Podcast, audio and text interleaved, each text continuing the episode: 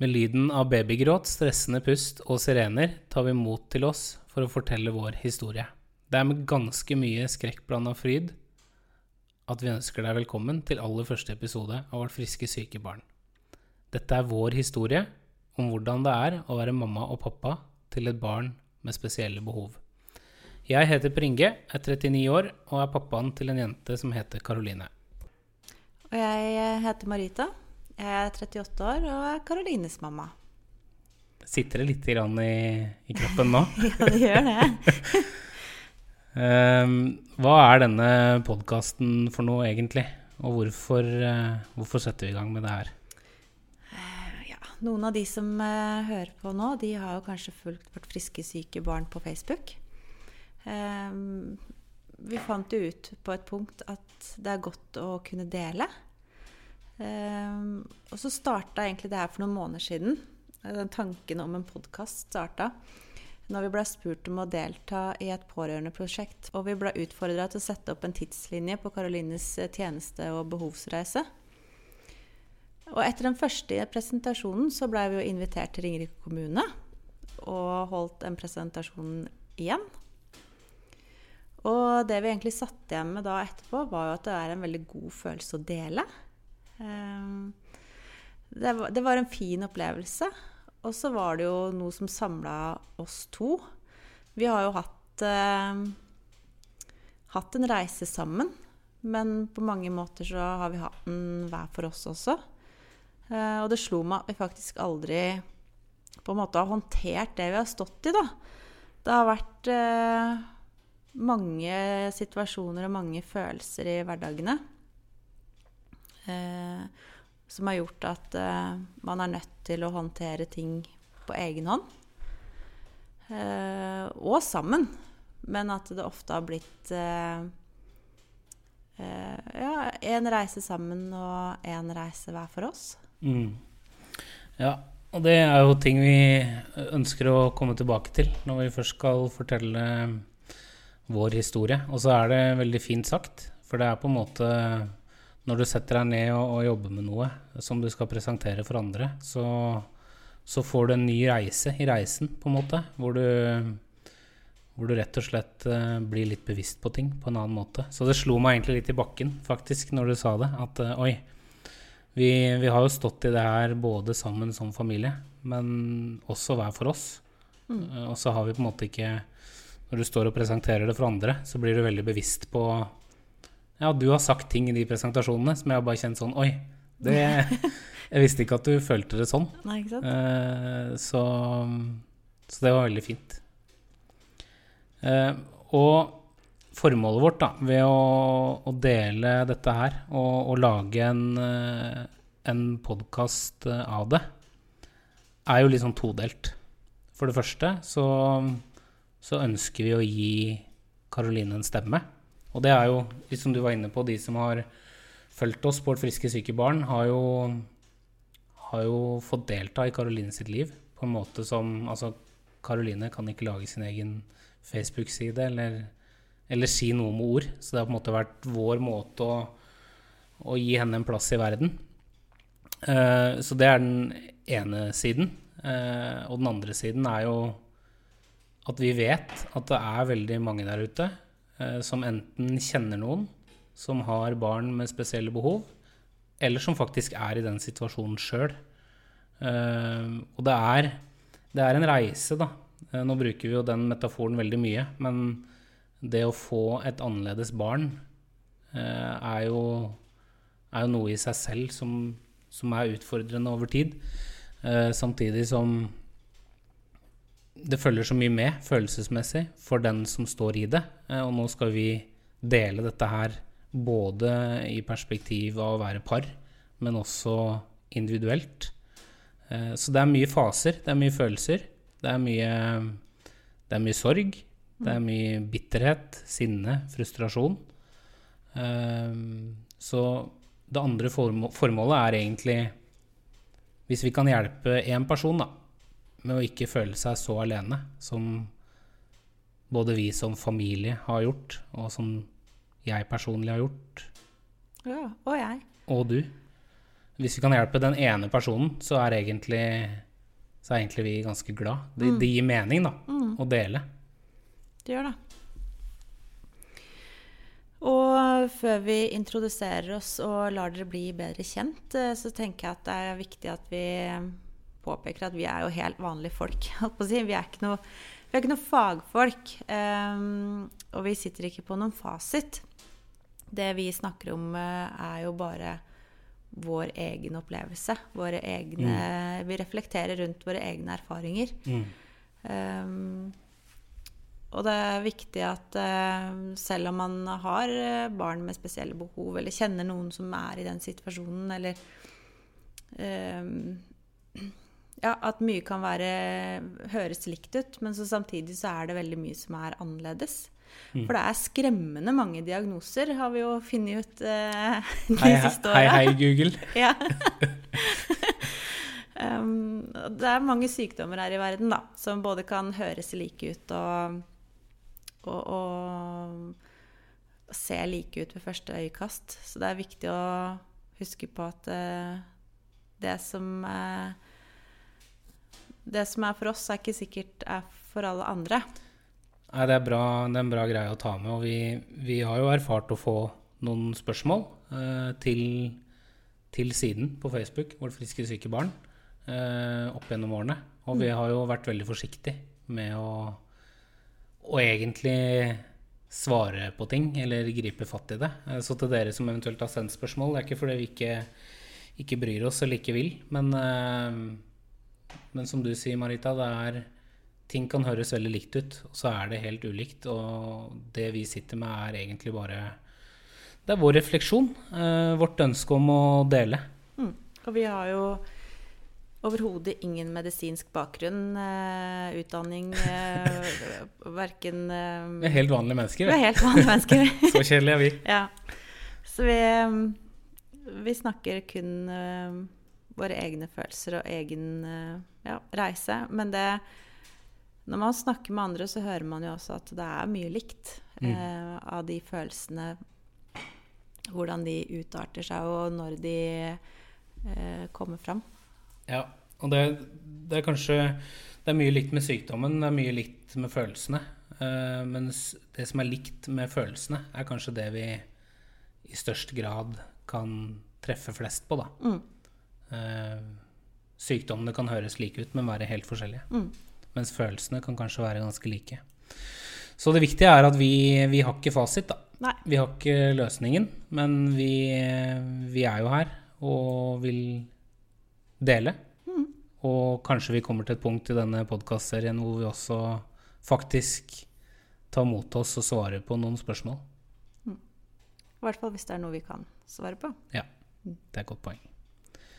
Nei, men eh, skal vi sette i gang, da? Ja. Skal vi gjøre det? Skal vi ikke gjøre det? Jo, gjør det.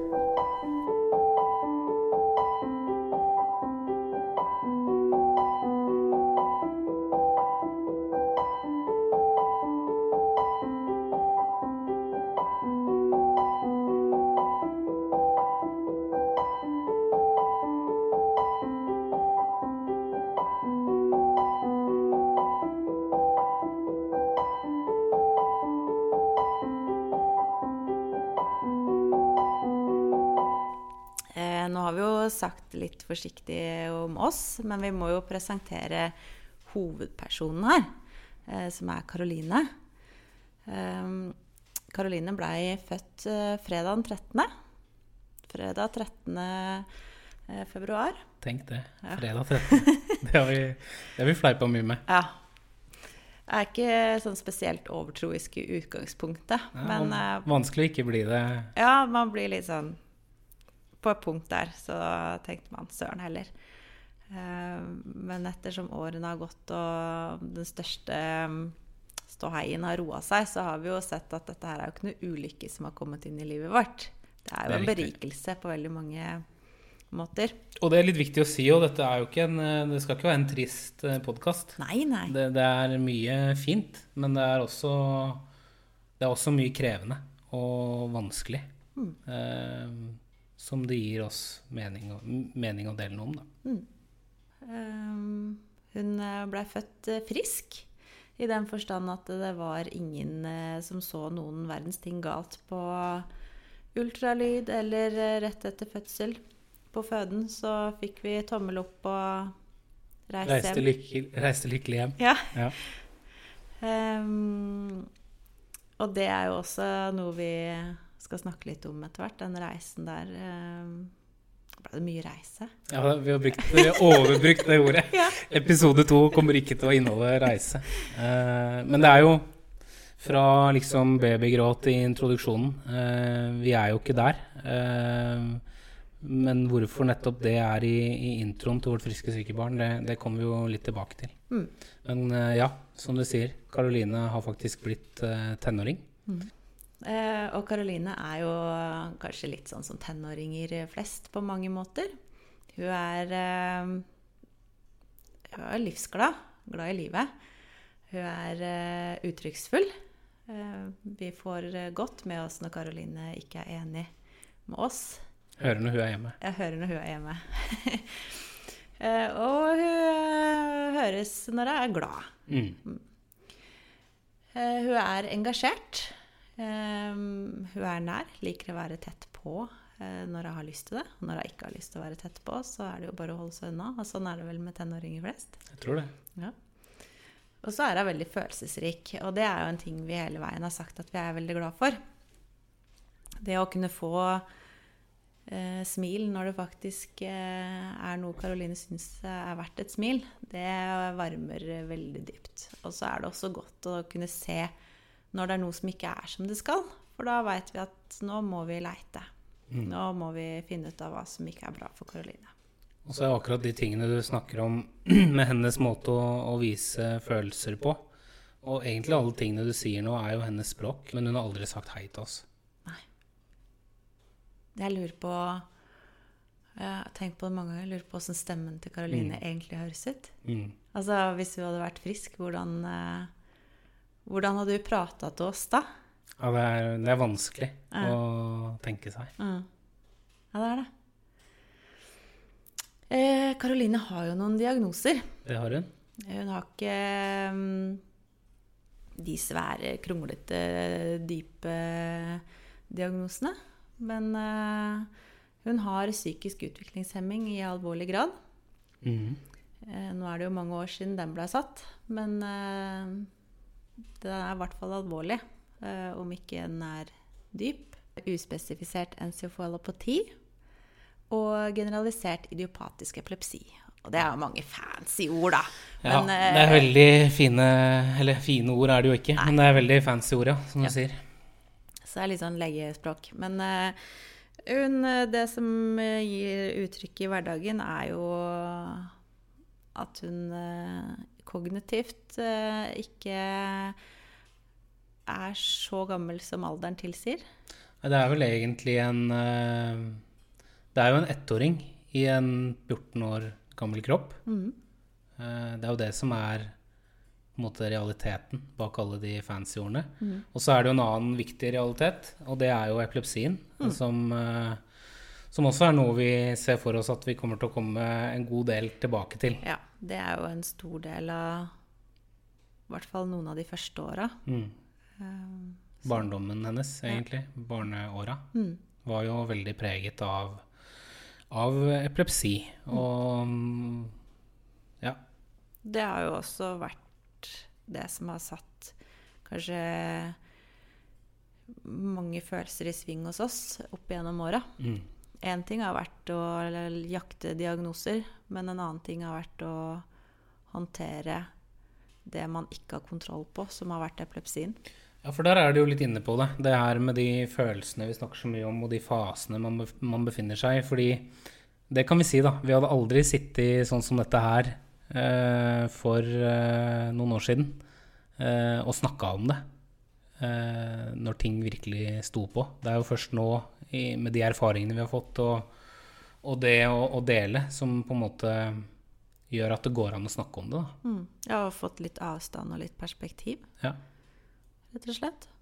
For det er, det er mange faser, og det er mye følelser. Eh, Ja, og som du sa, så, eller var inne på, så er jo Karoline Hun ligger på sånn seks til tolv måneders alder eh, kognitivt. Uh, hun har jo ingen evne til abstrakt tenkning, så hun lever jo her og nå. Uh, på godt og vondt. Eh, det er jo vondt som mamma og som pappa å sitte og tenke at når jeg ikke syns, så tenker ikke datteren min på meg. Men samtidig så har det vært en god trøst, da. Med tanke på avlastning. Som også er et tema som vi tenker at kan belyses ganske mye. Ja. Det å vite at ikke datteren vår har evne til å ligge våken i senga på natta og savne oss, og ikke kunne uttrykke det, det gjør jo at det er lettere. Eller har vært lettere. Mm. Men det var ikke lett første gangen da Karoline skulle på avlastning. Nei, det, var- det var ikke Så lett. ærlig må vi være. Ja, det var ikke bare første gangen det var vanskelig. Nei. Det var vanskelig lenge. Karoline har jo ikke noe språk. Hun har veldig begrensa alternative kommunikasjonsferdigheter også. Um, vi har prøvd eh, mye forskjellig.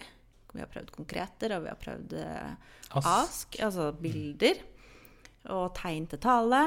Men det er liksom ikke noe som har um, festa seg, eller som har engasjert Karoline i den grad at hun har syntes dette har vært noe som har vært verdt å bite seg merke i.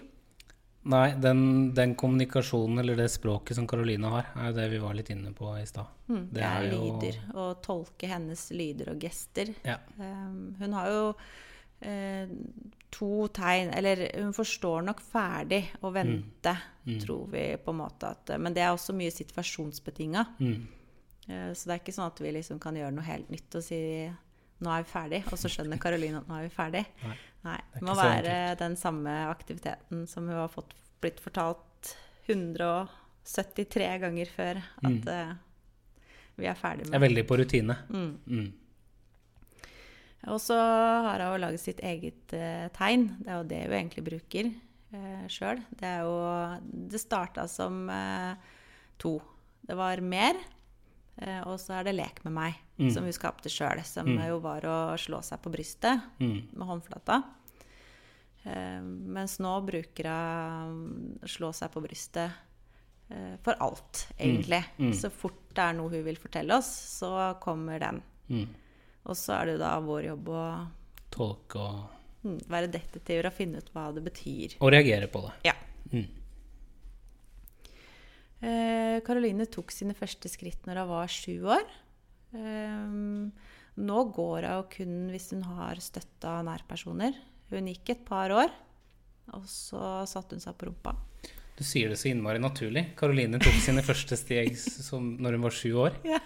Det er liksom Det er seks år for seint, da. Ja, ja. Sånn i, i, I- normalen, normalen, som også måte er et begrep som brukes mye. Mm.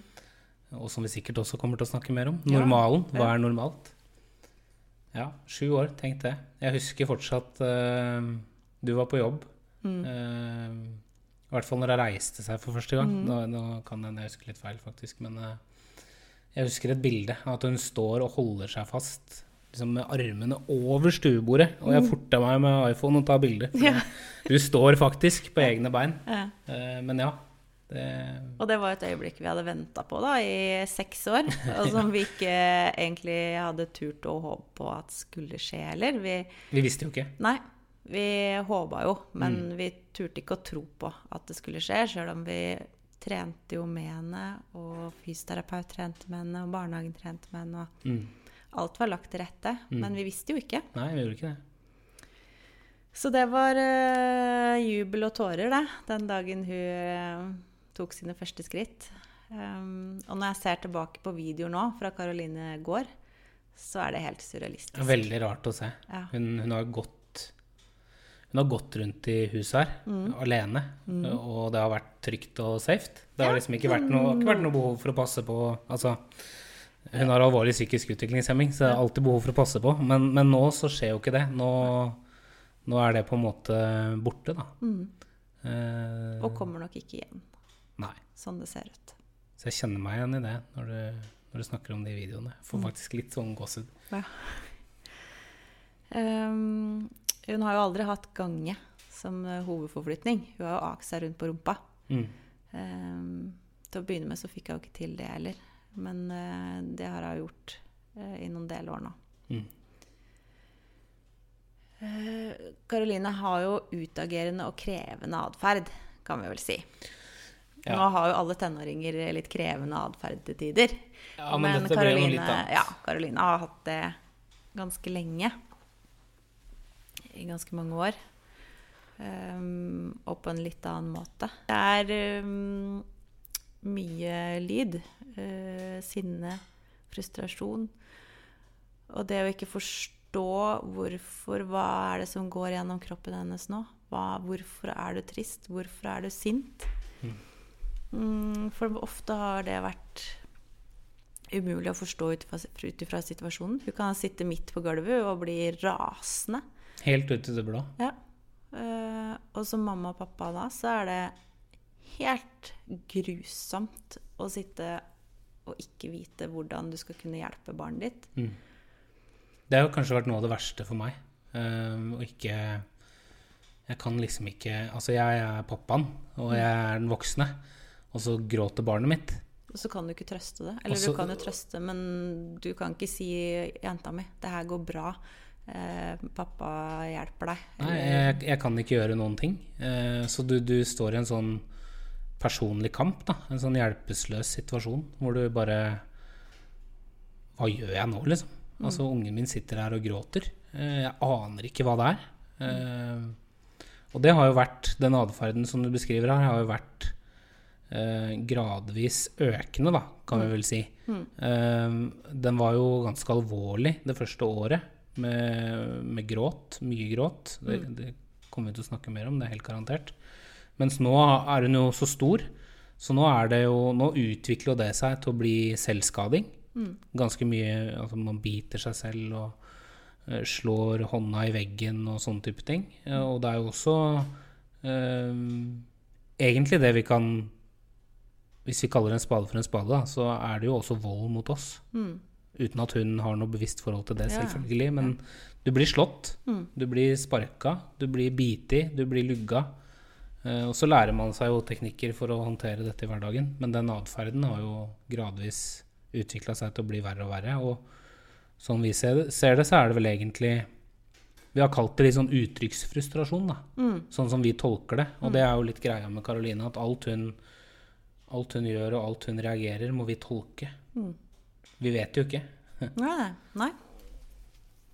Så det er jo noe med Man veit jo ikke hvordan man skal uh, ta tak i alle sånne ting bestandig heller. Og i hvert fall nå som hun begynner å bli så stor, så det er noen krefter da, som hun, vi andre kan vel si at vi bruker alle våre krefter. Men gjør vi egentlig det? Altså, vi holder kanskje litt tilbake. Mm. Mens det gjør nok ikke hun. Nei, vi regulerer jo. Ja. Hvis vi skal uttrykke en følelse, så kan vi regulere hvor sterkt vi skal uttrykke den følelsen. Hvis, hvis man, hvis man disk diskuterer noe og skal slå i bordet, så kan jeg velge selv hvor hardt jeg skal slå i bordet. Mm. Mens Karoline hun slår alltid maks kraft. Ja. Det er jo kanskje den greieste måten å sammenligne det på. Ja. Jeg slår ikke så mye i bordet, da. Nei. Nei, men det var egentlig veldig bra forklart.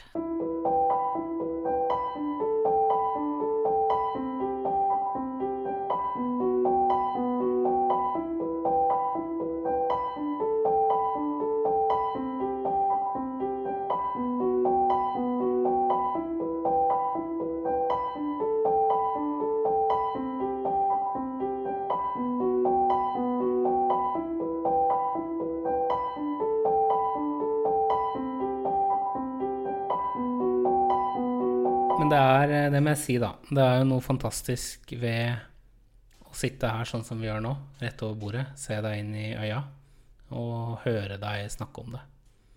Eh, Det er en fin ting. Så jeg gleder meg veldig til eh, fortsettelsen. Og dette blir ikke ukentlig. Det skal være, det skal være lystbetont. Eller så kommer det til å stoppe før vi har begynt. Mm. Så hva tenker vi? Hvor, eh, hvor ofte eh, kan de som har valgt å høre på oss, tusen takk, eh, forvente å, å få en ny episode? Altså ca. hver 14. dag, kanskje? Ja. Ja. Mellom 14 En gang hver 14. dag, eh, eller en gang i måneden, Ja. cirka. Ja. Ja. Det tror jeg er en fin ting. Du, vi har eh, spilt inn eh, aller første episode av Vårt friske syke Ja, barn. fy søren. Tenk det. Det er ganske spredt. Det var ganske mye følelser og, og litt sånn shakiness i starten. Men så ble det veldig fort veldig naturlig. Det gjorde det. Um, og mer følelser skal det jo bli etter hvert. Helt klart. Så det blir spennende å se åssen det blir å håndtere. Ja. Jeg har kjent litt på det i dag. Har du det? Ja, litt gåsehud og litt uh, Kjent det litt i halsen. Mm. Så det har vært fint. Og med det så sier vi tusen, tusen, tusen takk for at du hørte på aller første episode av Vårt fiskesyke barn. Ja. Vi høres.